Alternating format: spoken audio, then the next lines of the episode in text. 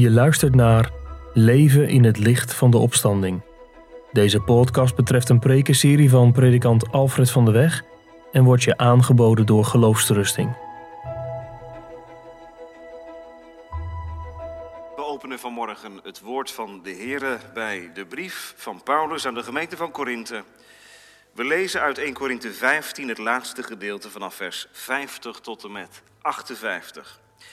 1 Korinthe 15, vers 50 tot en met 58. En kinderen, als je meeleest vanmorgen of de schriftlezing hoort, dan zul je ongetwijfeld dingen herinneren van de vorige preek.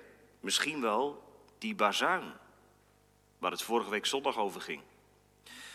Misschien kun je nog wel wat dingen herinneren van vorige week of van de weken ervoor. We lezen hetzelfde gedeelte dus, 1 Korinthe 15, vers 50 tot 58. Het woord van de Heere luidt er als volgt. Maar dit zeg ik, broeders, dat vlees en bloed het koninkrijk van God niet kunnen beërven. En de vergankelijkheid beërft de onvergankelijkheid niet. Zie, ik vertel u een geheimenis. Wij zullen wel niet allen ontslapen, maar wij zullen allen veranderd worden. In een ondeelbaar ogenblik in een oogwenk bij de laatste bazuin. Immers, de bazuin zal klinken en de doden zullen als onvergankelijke mensen opgewekt worden. En ook wij zullen veranderd worden. Want dit vergankelijke moet zich met onvergankelijkheid bekleden. En dit sterfelijke moet zich met onsterfelijkheid bekleden.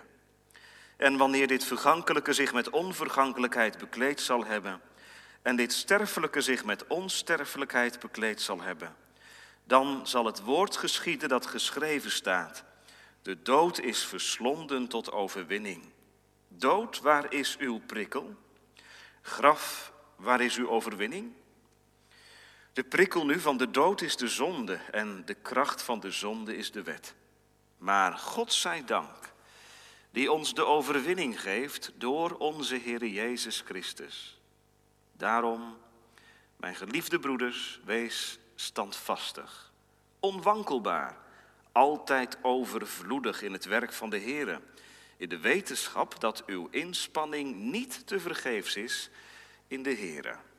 Tot zover de schriftlezing. Vers 58 is de tekst voor de verkondiging. Vers 58 uit 1 Korinthe 15. In de eerste preek over de serie Leven in het licht van Pasen stonden we stil bij Pasen en de dood. De tweede preek ging over Pasen en ons lichaam. De derde preek ging over Pasen en de toekomst. En deze laatste preek zal gaan over Pasen en het heden, het leven van alle dag, ons werk, ons bestaan. We zingen straks na de preek uit Psalm 90, het negende vers, waar we bidden, bekroon ons werk. Psalm 90, vers 9 straks na de preek. Gemeente Pasen ligt alweer even achter ons. Maar als wij denken dat wij nu een pas op de plaats kunnen maken, dan hebben wij het volgens Paulus wel heel goed mis. Pasen is niet op je plaats en rusten. Pasen betekent voorwaarts. Er is in de goede zin van het woord werk aan de winkel. 1 Korinthe 15, vers 58, onze tekst. Daarom, mijn geliefde broeders, wees standvastig, onwankelbaar, altijd overvloedig in het werk van de Heer, in de wetenschap dat uw inspanning niet te vergeefs is in de Heer. Nou, dat is een appel. En ik heb het daarom maar Paulus Paasappel genoemd. Paulus Paasappel. We staan stil bij drie gedachten vanuit de tekst. Allereerst, wie je door Gods genade mag zijn. Daarom, mijn geliefde broeders, wees standvastig, onwankelbaar. In de tweede plaats, wat je in Gods kracht mag doen. Altijd overvloedig in het werk van de Heer. En tot slot, waarom Gods belofte bemoedigt. In de wetenschap dat uw inspanning niet te vergeefs is in de Heere. Paulus paasappel.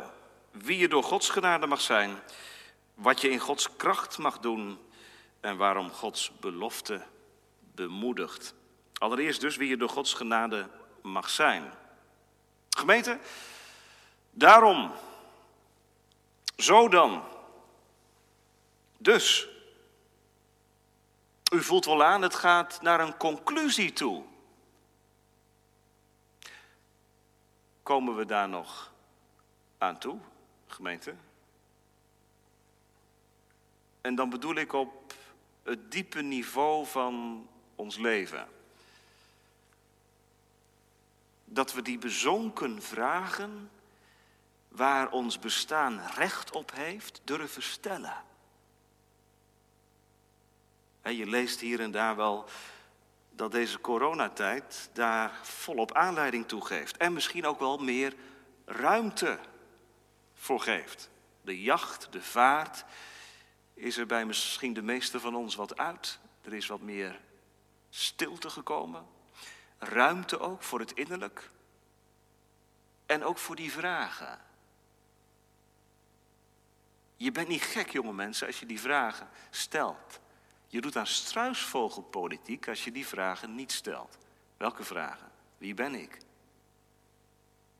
Waar leef ik voor? Waar reis ik naartoe? Wat als ik morgen sterf? Wat dan? Dat zijn geen vragen die we van tafel moeten schuiven. Dat zijn vragen die ertoe doen en die we naar ons toe mogen halen.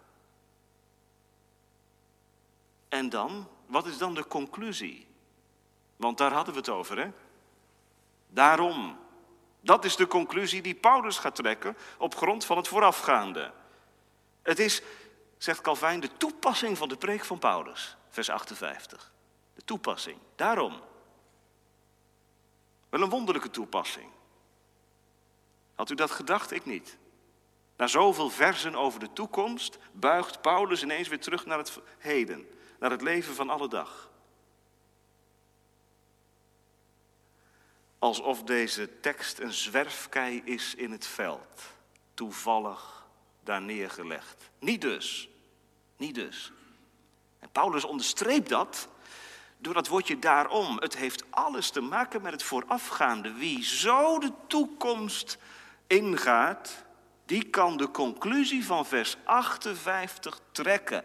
Nou, gemeente die meeluistert vanmorgen. We hebben nou een paar preken gehoord over de toekomst, over onze toekomst. Wat is de conclusie? Zullen we nog even heel kort terugkijken? De dood heeft niet het laatste woord. Dat was de eerste preek over 1 Korinthe 15. Weet u het nog? De dood heeft niet het laatste woord. We gaan allemaal sterven. Maar wie in Christus is, is een nieuwe schepping. De dood heeft dan niet het laatste woord. Het leven overwint. Tweede preek. Het beste komt nog. Dat ging over ons lichaam, weet u dat nog? Wat op zal staan. Wat ertoe doet. Wat een toekomst. Uw toekomst. En dan de laatste preek, vorige week een hoopvol perspectief. Jezus die terugkomt, de laatste bazuin, vers 52, de verandering die erop volgt. We zullen onvergankelijk, onsterfelijk zijn. Kinderen, misschien heb je die laatste bazuin nog wel eens over nagedacht de laatste week. En ik hoop ook dat je verder nagedacht hebt. Als die laatste bezuin klinkt, ben ik er dan bij? Dan trek je eigenlijk, dan stel je jezelf eigenlijk een vraag. Hè? En, en dan komt het ook van Christus. Daarom, Paulus trekt de conclusie, maakt de balans op. En hij doet dat voor zijn geliefde broeders. De zusters zijn daarbij inbegrepen hoor. Ook vanmorgen. Hij kijkt naar de gemeente van Korinthe. Hij noemt ze geliefde broeders. Mooie manier om zo naar de gemeente te kijken, vindt u niet? Moet je nagaan De gemeente van Korinthe was echt geen ideale gemeente hoor. u zult zeggen dat is geen enkele gemeente. Nee, dat is zo. Dat is waar. Maar als ik even u mee mag nemen. 1 Korinthe 3. Daar noemt Paulus de gemeente, zijn geliefde broeders, mensen die vleeselijk zijn. Vleeselijk. Mensen die uh, graag achter een dominee staan. Ik ben van dominee Paulus. Nee, ik ben van dominee Apollos. Geef mij die dominee maar. Gemeente van Korinthe, zijn geliefde broeders, dat is de gemeente waar afgunst is en ruzie en tweedracht. 1 Korinthe 3, vers 3. Het is de gemeente waar het nodig aan de hand is op het gebied van zedeloosheid. Hoofdstuk 5. Iemand bedrijft hoererij met de vrouw van zijn vader. Het is de gemeente waar rechtszaken zijn tussen broeders. 1 Korinthe 6. Het is de gemeente waar het nodige schort aan het huwelijksleven. 1 Korinthe 7. Wat heeft Paulus al niet meegemaakt met die gemeente? Mijn geliefde broeders. Hoe hou je dat vol, Peter? Eh, hoe hou je dat vol, Paulus? In de Here. In de Here. Mijn geliefde broeders. Het is dus geen tussenzinnetje om maar eventjes aan de kant te schuiven, alsof het er niet bij hoort, een soort stoplap of zo. Nee, mijn geliefde broedersgemeente, ik wil het in deze tijd ook eens even onderstrepen, juist in deze coronatijd. Mijn geliefde broeders, we zitten allemaal nu vanmorgen her en der te luisteren in woonkamers, thuis, alleen of met een gezin of met een aantal andere mensen. Mist u ze? Mist u ze, de, de broeders? en de zusters. Je leest in de kranten over huidhonger. Mensen die behoefte hebben aan intimiteit. Je leest in de, in de krant over kerkhonger. Behoefte aan het gebouw. Hebt u ook gemeenschapshonger? Elkaar weer zien, ontmoeten, spreken, opscherpen. Mijn geliefde broeders, denk er nog maar eens even over door vandaag. Over dat wat Paulus hier in dat enkele tussenzinnetje meegeeft. Nou, gemeente, die gemeente waarvan alles speelt, van alles aan de hand is, waar Paulus het nodige heeft meegemaakt al, noemt hij geliefde broeders en hij trekt een conclusie. Daarom, mijn geliefde broeders, hoe hou je dat vol om ze zo te noemen? Nou, hoe hou je het vol als ouders om je kinderen als geliefde kinderen te zien? Ook al zie je het nodige wat niet goed is. Hoe hou je dat vol? Ze zijn en blijven je kind. Al doen ze van alles wat, wat God verbiedt misschien. Ze zijn en blijven je kind. Mijn geliefde broeders. En dan gaat het naar de toekomst. Nee, dan gaat het naar het heden toe. Daarom. Daarom. Waarom? Vers 57. God zij dank die ons de overwinning geeft door onze Heer Jezus Christus. Daarom, mijn geliefde broeders, ziende op de overwinning in Christus, ziende op wat Christus heeft teweeggebracht, door de dood te overwinnen Ziende op wat ons wacht als wij door het geloof aan Christus verbonden zijn. Daarom, mijn geliefde broeders, wees standvastig. Dat is het eerste. En het tweede woord onwankelbaar. En als je die twee woordjes naast het volgende woord zet, dan vallen de verschillen heel erg op. Want standvastig en onwankelbaar, jonge mensen, dat zijn heel andere woorden dan het woord overvloedig. Bij standvastig en onwankelbaar denk je aan vastheid, aan stabiliteit. Aan overvloedig denk je aan beweging, toch? Die eerste twee woorden, standvastig en onwankelbaar, gaan over de binnenkant van het christenleven. Dat gaat over de innerlijke overtuiging, de levenshouding. Wie hij is. Het tweede woord komen we straks op, dat gaat over wat hij doet, wat een christen doet. Daarom, mijn geliefde broeders, wees standvastig. Al ben je onstandvastig, al voel je je wankel. Wees onwankelbaar. Laten we die twee woorden eens bekijken. Wat bedoelt Paulus daarmee? Wat bedoelt het grondwoord te zeggen? Wees standvastig, daar staat in het Grieks een woord, draioi, wat ook voorkomt in kathedra, katheder. Nou, u zou ook naar deze preekstoel nu kunnen kijken, dat doet u ook denk ik. Maar die preekstoel, dat is een stabiel en stevig iets. Dat is niet onwankelbaar. Dat is onwankelbaar, dat, dat staat. Of je zou ook kunnen denken aan pilaren, kinderen. Hier in de Victorkerk staan heel veel pilaren. En die pilaren, die zijn stevig. Ze zien er niet alleen stevig uit, ze zijn ook stevig. Hoe komt dat? Ze zijn verankerd in een fundament. Dat is het. Dat is het woord wat Paulus hier gebruikt. Standvastig. Hoe komt het dat die pilaren niet heen en weer zwenken? Dat komt omdat ze in een fundament staan. Hoe komt het dat zelfs als een enorme storm over deze kerk raast, die pilaren toch blijven staan? Dat komt door het fundament. Standvastig. Misschien dat een jongen van 18 meeluistert vanmorgen en je gedachten dwalen een beetje af. Standvastig, onwankelbaar. Dominee, dat zijn nou niet heel populaire woorden. Weet je wat populair is vandaag? Nou, flex. Dynamisch. Mobiel. Beweging. Dat is populair. Standvastig, onwankelbaar. Weet u waar ik dan aan moet denken? Nou, aan iets wat niet verandert, wat als een standbeeld staat. Ik snap dat, maar dat is niet de bedoeling. Standvastig is niet hetzelfde als een standbeeld of zo. Dat wordt, de vergelijking met pilaar zou dat natuurlijk wel kunnen oproepen. Hè? Een pilaar staat en blijft altijd staan.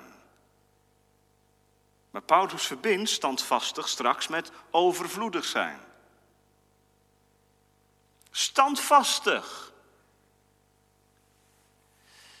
Van Margaret Thatcher het gezegd dat ze een iron lady was, een ijzeren vrouw.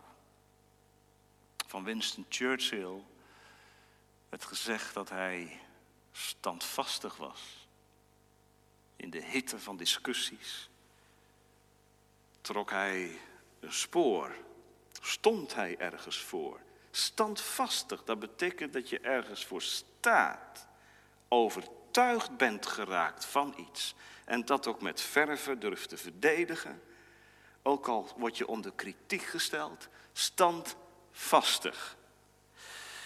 Gemeente, op het gevaar af dat u nu denkt, standvastig heeft dus te maken met je karakter. De ene is wat standvastiger dan de ander. Je hebt mensen die heel erg overtuigd overkomen. Je hebt mensen die wat minder overtuigd zijn. Dat bedoelt Paulus niet. Standvastig, dat is vrucht van genade. Het verraadt genade als je standvastig bent. Ik moest denken aan Luther, die in zijn tijd gezegd heeft: Hier sta ik, ik kan niet anders. Nou, dat was niet omdat Luther zo'n geweldig karakter had, dat had hij ook wel, denk ik. Een man met karakter was het zeker wel, maar het geheim was uiteindelijk, hij was ingewonnen door genade voor Christus. Nou, dat geldt voor iedere christen. Al beef je, al sidder je bij het minste of geringste, toch kun je standvastig zijn, volgens Paulus. Wees standvastig. Dat verraadt ook oefeningen en training, gaat niet vanzelf. Hoe moet dat dan, zegt iemand? Staan Standvastig zijn heeft alles te maken met het evangelie. Kijk maar naar 1 Korinthe 15, vers, vers 2, vers 1. Verder maak ik u bekend, broeders, het evangelie dat ik u verkondigd heb, dat u ook aangenomen hebt waarin u ook staat. Nou, daar hebt u het.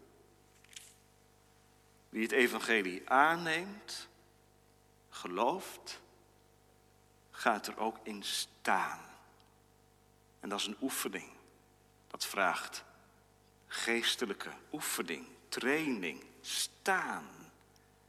Niet vastgezogen worden in het evangelie, zodat je geen beweging meer hebt. Nee, het is een staan in het evangelie, waardoor je in de vrijheid van de kinderen van God gesteld wordt. Dat is het. Zodat je helemaal afhankelijk bent van Hem en onafhankelijk bent van het oordeel van mensen. Dat heeft Paulus ondervonden. Hij spreekt uit ervaring. In vers 30 tot 32 schrijft hij, waarom lopen wij elk uur gevaar? Ik sterf elke dag. En betuig dit bij de roem die ik over u heb in Christus Jezus onze Heer. Als ik naar de mens gesproken tegen wilde beesten gevochten heb in Eversen. Wat voor nut heeft dat dan voor mij? Waar heb ik al die, al die inspanning voor gegeven? Als de doden niet opgewekt worden. Laten we dan maar eten en drinken, want morgen sterven wij. Ja, dat is de keerzijde van standvastig zijn. En dat moet ik vanmorgen ook zeggen. Hè?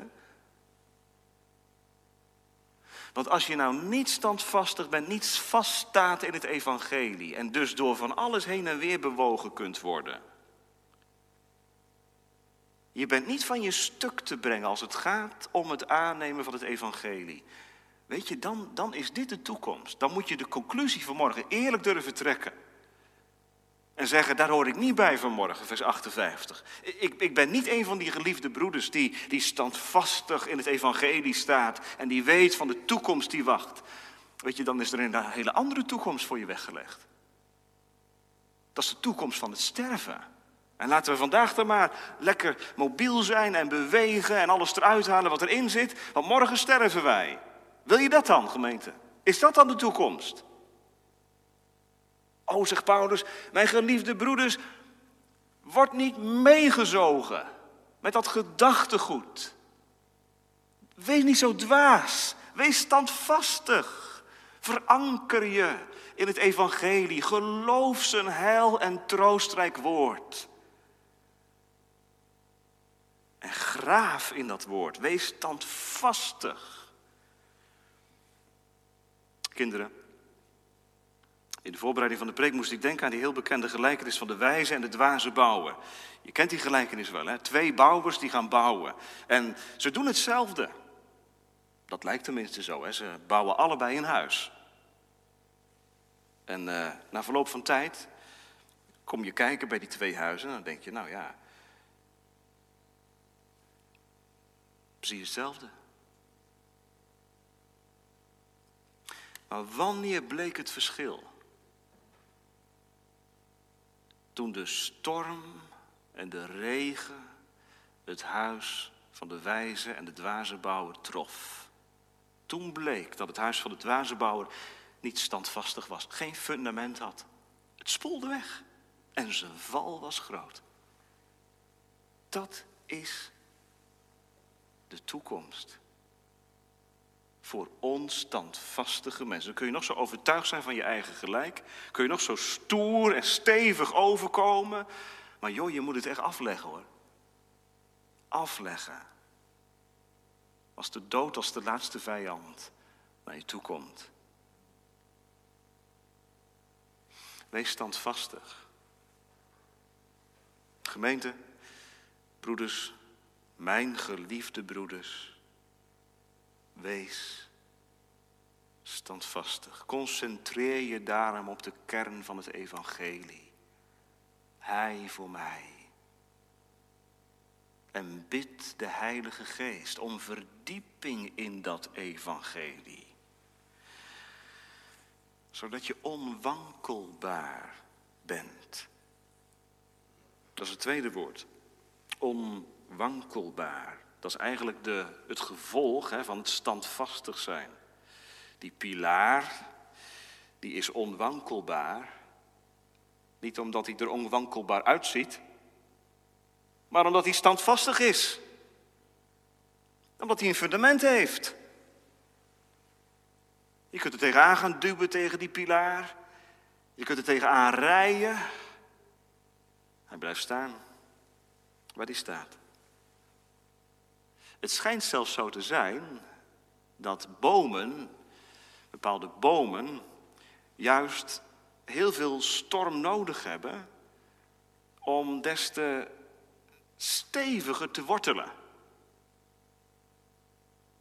dus die verzoekingen en die strijd die je moet leveren in je persoonlijk leven, waarvan je soms de zin en het nut niet inziet,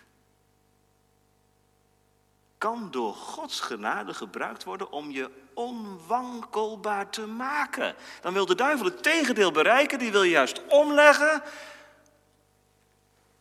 En wat hij bereikt, is dat je standvastiger wordt. Ik hoop, um, gemeente, dat u dat ook gewoon in de maatschappij hè, meemaakt. Dat overal, waar ze jou, mij en u onder de loep leggen, onder de vergrootglas leggen en kritische vragen gaan stellen. En misschien wel een beetje snerend doen. Dat dat je alleen maar het woord indrijft. Dan kun je God danken voor je critici, voor je vijanden.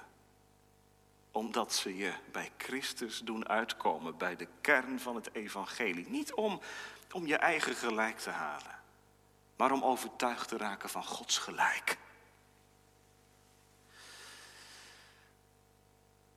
Het is een geheim van genade, gemeente. Standvastig zijn, onwankelbaar zijn. Want neem nou Petrus. Rotsman. Nou, als er eentje standvastig en onwankelbaar moest zijn, was hij het toch. Petrus. Op deze rots zal ik mijn gemeente bouwen. Nou, die rotsman bleek nogal onstandvastig en wankelbaar te zijn, of niet? Wat werd hij heen en weer geslingerd? De Heer zei het zelf tegen hem. Satan heeft u gezift als de tarwe. Maar wat is het geheim, gemeente, geweest? De Heere heeft voor u gebeden, zodat uw geloof niet op zal houden. Standvastig zijn, onwankelbaar zijn, is geen kwestie van tanden op elkaar. Dat is leven van genade. Word onwankelbaar. En die kijkt nu ook even weer naar de jongeren. Bewust naar de jongeren. Jullie zijn de next generation, de nieuwe generatie. Waar oudere christenen wegvallen, ontslapen in de Heer, zijn jullie de nieuwe generatie die aantreedt. En jullie leven meer dan de oudere generatie in een tijd van flexibiliteit, van alles wat. Van dit en van dat en als het goed voelt, dan doe je het in je rugzak en dan neem je het mee en dan reis je verder. Nee, wees standvastig. Wees onwankelbaar. Laat je overtuigen van het gelijk van het evangelie. Wees kritisch. Wees zelfkritisch. En laat de Heilige Geest je die overtuiging geven. Het woord is waar. Dat is misschien niet populair, maar dat is wel de lijn waarin God door de generaties heen zijn kinderen bewaarde. Standvastig, onwankelbaar. Tweede gedachte, gemeente. Wat je in Gods kracht mag doen. Het gaat van zijn naar doen. Van standvastig en onwankelbaar zijn naar overvloedig zijn. Doen in het werk van de Heer.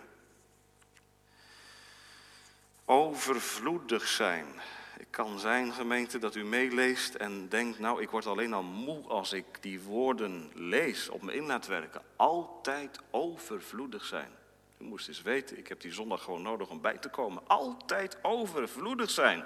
Kan het wat minder? Nee. Nee, het kan niet minder.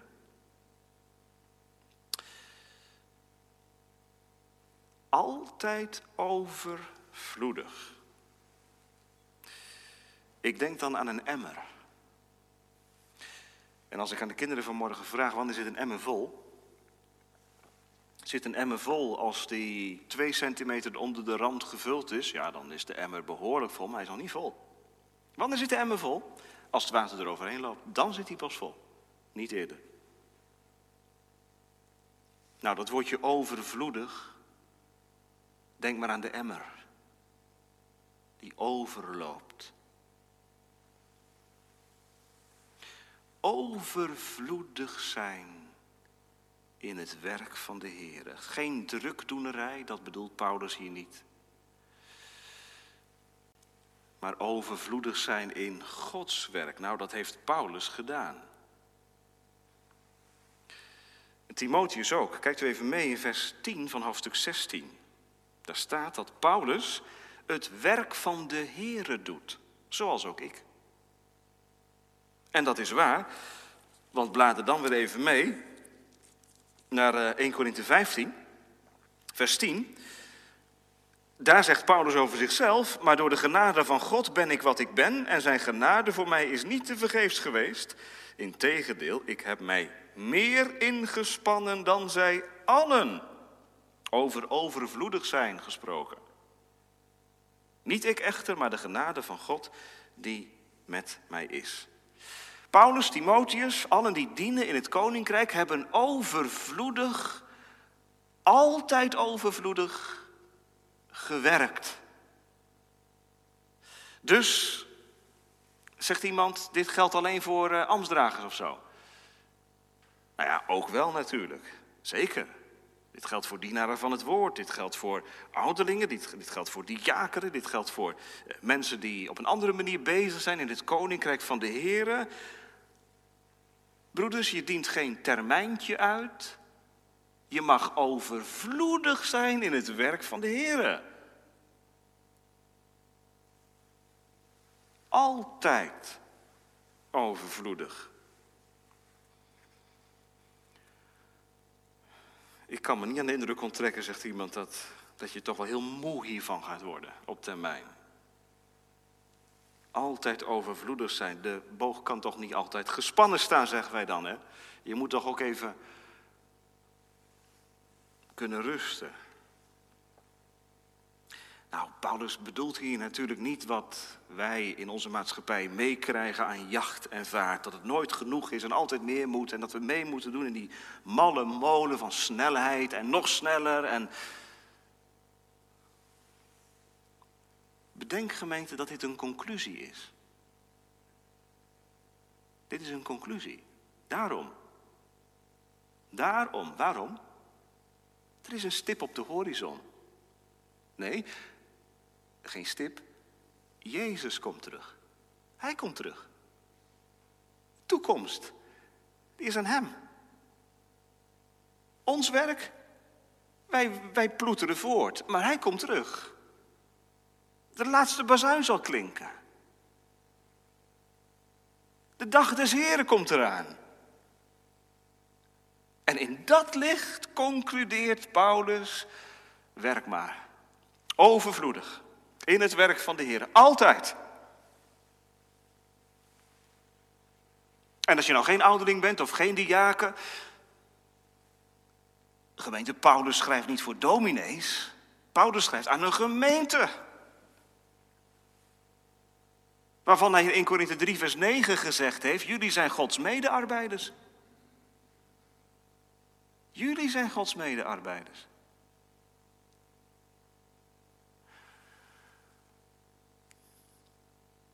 Dat betekent dat deze tekst dus ook voor ieder die zich met de naam Christen siert, geldt.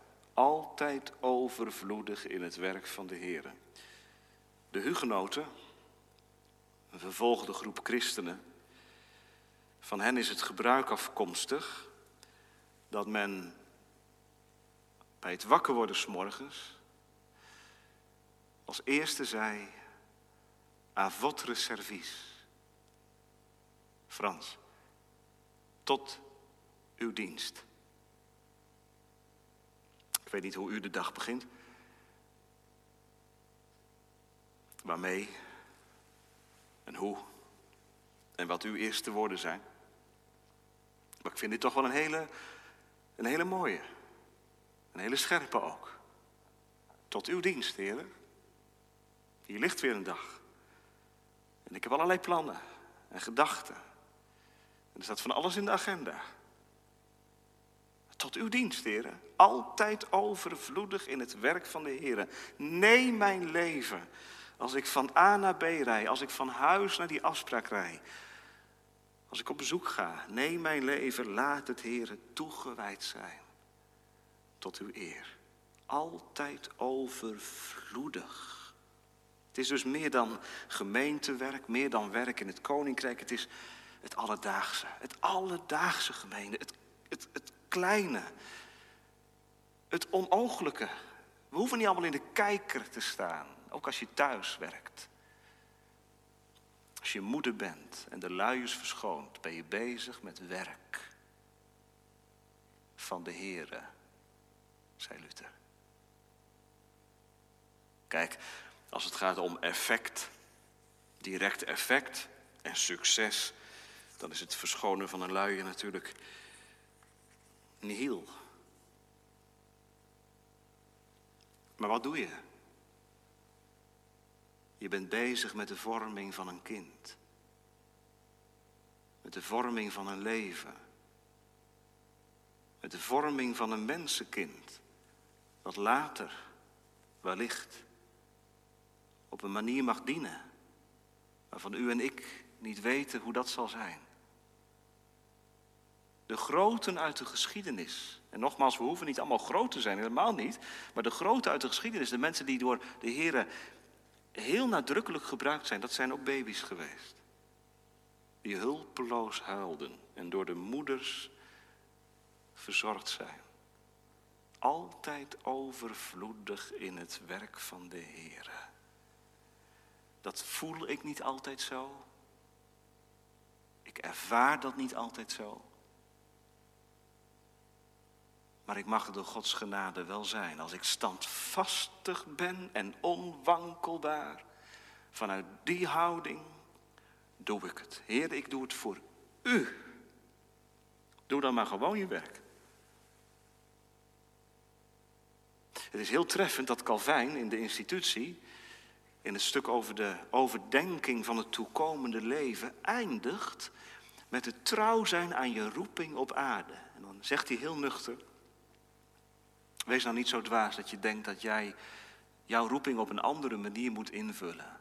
Wees nu gewoon getrouw in dat wat je nu te doen hebt.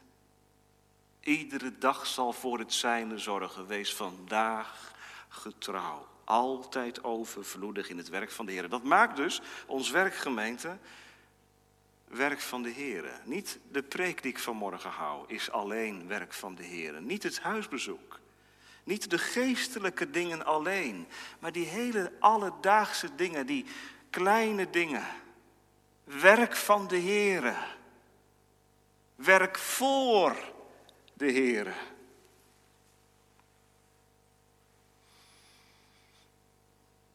Het is treffend, gemeente, dat als de Heer Jezus spreekt over de toekomst,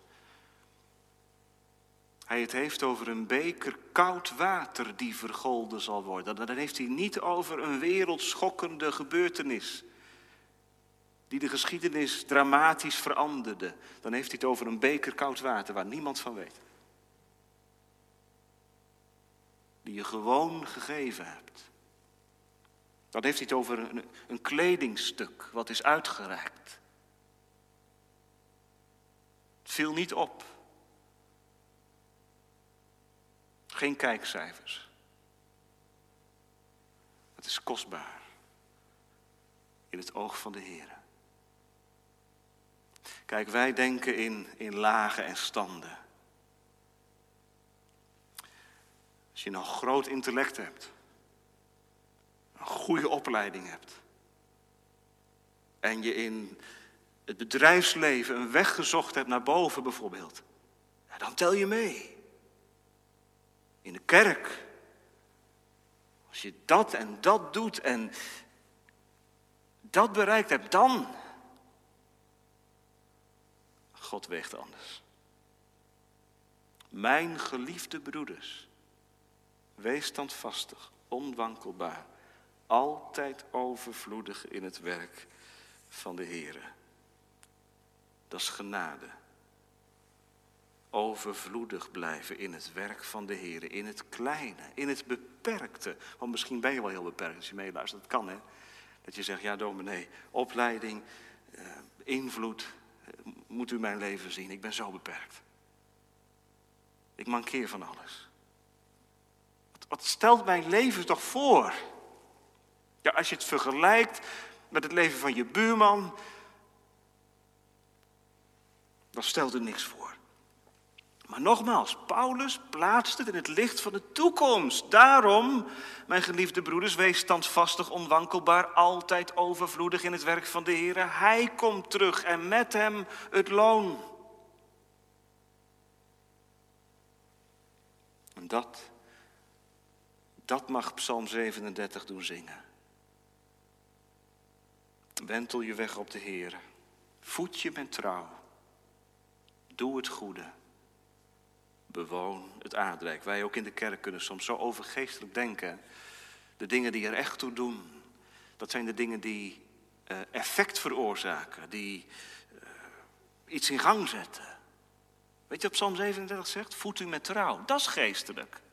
Dat is de weg die de Heer wijst. Trouw zijn en zo overvloedig zijn in het werk van de Heer. Tot slot, waarom Gods belofte bemoedigen? Want het zou natuurlijk zo kunnen zijn dat mensen zijn die zeggen, maar dominee, er zijn zoveel dingen, zoveel belemmerende factoren om het werk van de Heer voor de Heer te doen. Belemmerende factoren in mezelf, belemmerende factoren buiten mij. En soms denk ik, wat haalt het uit? Wat heeft het voor zin? Wat heeft het voor nut? In de wetenschap, eindigt Paulus, dat uw inspanning niet te vergeefs is in de Here. In de wetenschap. U weet het toch, zegt Paulus. Je weet het toch? Dat je inspanning niet te vergeefs is in de Heer. Ja, je weet het wel, maar ja, je bent zo van je stuk gebracht, hè. Die geestelijke focus ben je zo kwijt. Je kunt zo geobsedeerd raken door de dingen waar je mee bezig bent, dat je dat lange termijn perspectief, die toekomst niet meer ziet. Dat kan als dominee, als je, bent, als je bezig bent met een preek en het gaat niet. En je raakt in een kramp. Wat heb je dan nodig? Heilige Geest die je het zicht weer geeft op waar je het voor doet. Voor Hem. Als die weet, in de wetenschap, dus niet in de dagelijkse gevoelige ervaring of zo. Hè? Nee, in de wetenschap. Dat is geloofswetenschap. Gegrond op Gods belofte, dat uw inspanning niet te vergeefs is in de Heer. Waar denkt Paulus aan? Isaiah 55 wellicht. Dat het, het woord wat gezaaid wordt, dat het niet vruchteloos zal blijven, dat het welbehagen des Heren door zijn hand gelukkig zal voortgaan. Uw inspanning is niet te vergeefs in de Heren. Ik vind het heel mooi dat daar het woord inspanning staat. Er staat een ander woord in het Grieks dan ehm, bij het woord werk. Het wordt ook, uh, wordt ook verschillend vertaald. Hè? Werk en inspanning. Het woordje inspanning laat zien dat het echt ploeteren is. Zwoegen, zweten. Genesis 3. In het zweet van je aangezicht zul je brood eten. Zul je opvoeden. Zul je werken in de kerk. Zul je dienen in de maatschappij. Zweten, ploeteren, pijn, moeite, frustratie. Hoort er allemaal bij. Inspanning dus. En soms de bange gedachte. Het is te vergeefs. Wat haalt het uit? Nee, zegt Paulus, niet te vergeefs. In de Here niet te vergeefs. En dat wekt hoop, dat is een belofte. Niets is hier blijvend. Niets is hier blijvend. Alles, hoe schoon ook, zal eenmaal vergaan. Maar wat gedaan is, uit liefde tot Jezus, dat houdt zijn waarde en zal blijven bestaan. Hoe? Dat is voor hem.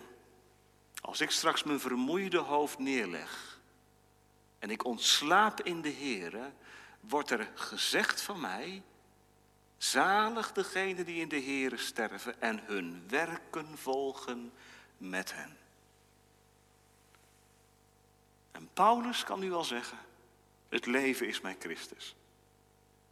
Het sterven is mijn winst. En daarom werk ik overvloedig het werk van de Heer. Er is uitzicht. Midden in dit tranendal. Midden in deze tijd van ploeteren en frustratie als vader, als moeder, als het met je kinderen niet gaat zoals je wilt. En je het zicht kwijtraakt, een woestijn. Uw inspanning is niet te vergeefs in de Heer. Maar dat zie ik niet altijd, nee. Kijk eens naar de Heer Jezus. Wat zag hij?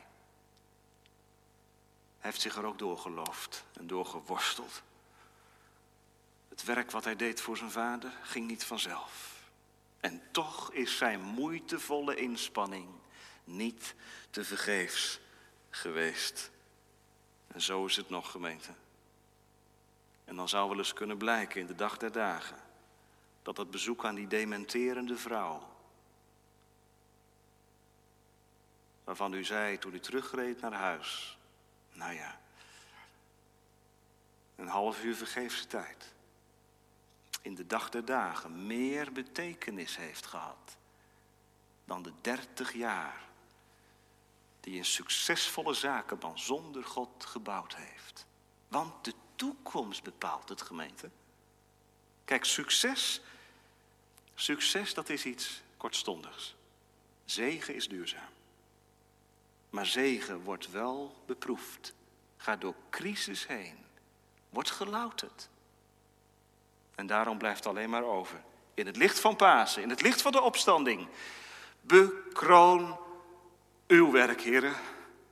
Uw werk, schakel mij erbij in, waar ik ook gesteld ben, in de gemeente, in de maatschappij. Maar bekroon uw werk, dwars door alles heen, mijn feilbaarheid, mijn ziel vol angst en zorgen.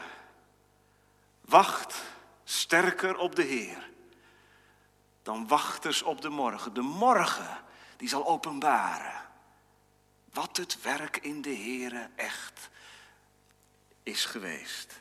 Ach, wanneer. Gemeente, hoopvol is dit. Hoopvol. En daarom bidden wij met het gebed van Psalm 90, vers 9. Laat uw genade ons met haar troost verrijken en laat uw liefde ons behoeden voor bezwijken. Sterk onze hand en zegen onze vlijt. Bekroon ons werk en nu en te allen tijd. Amen.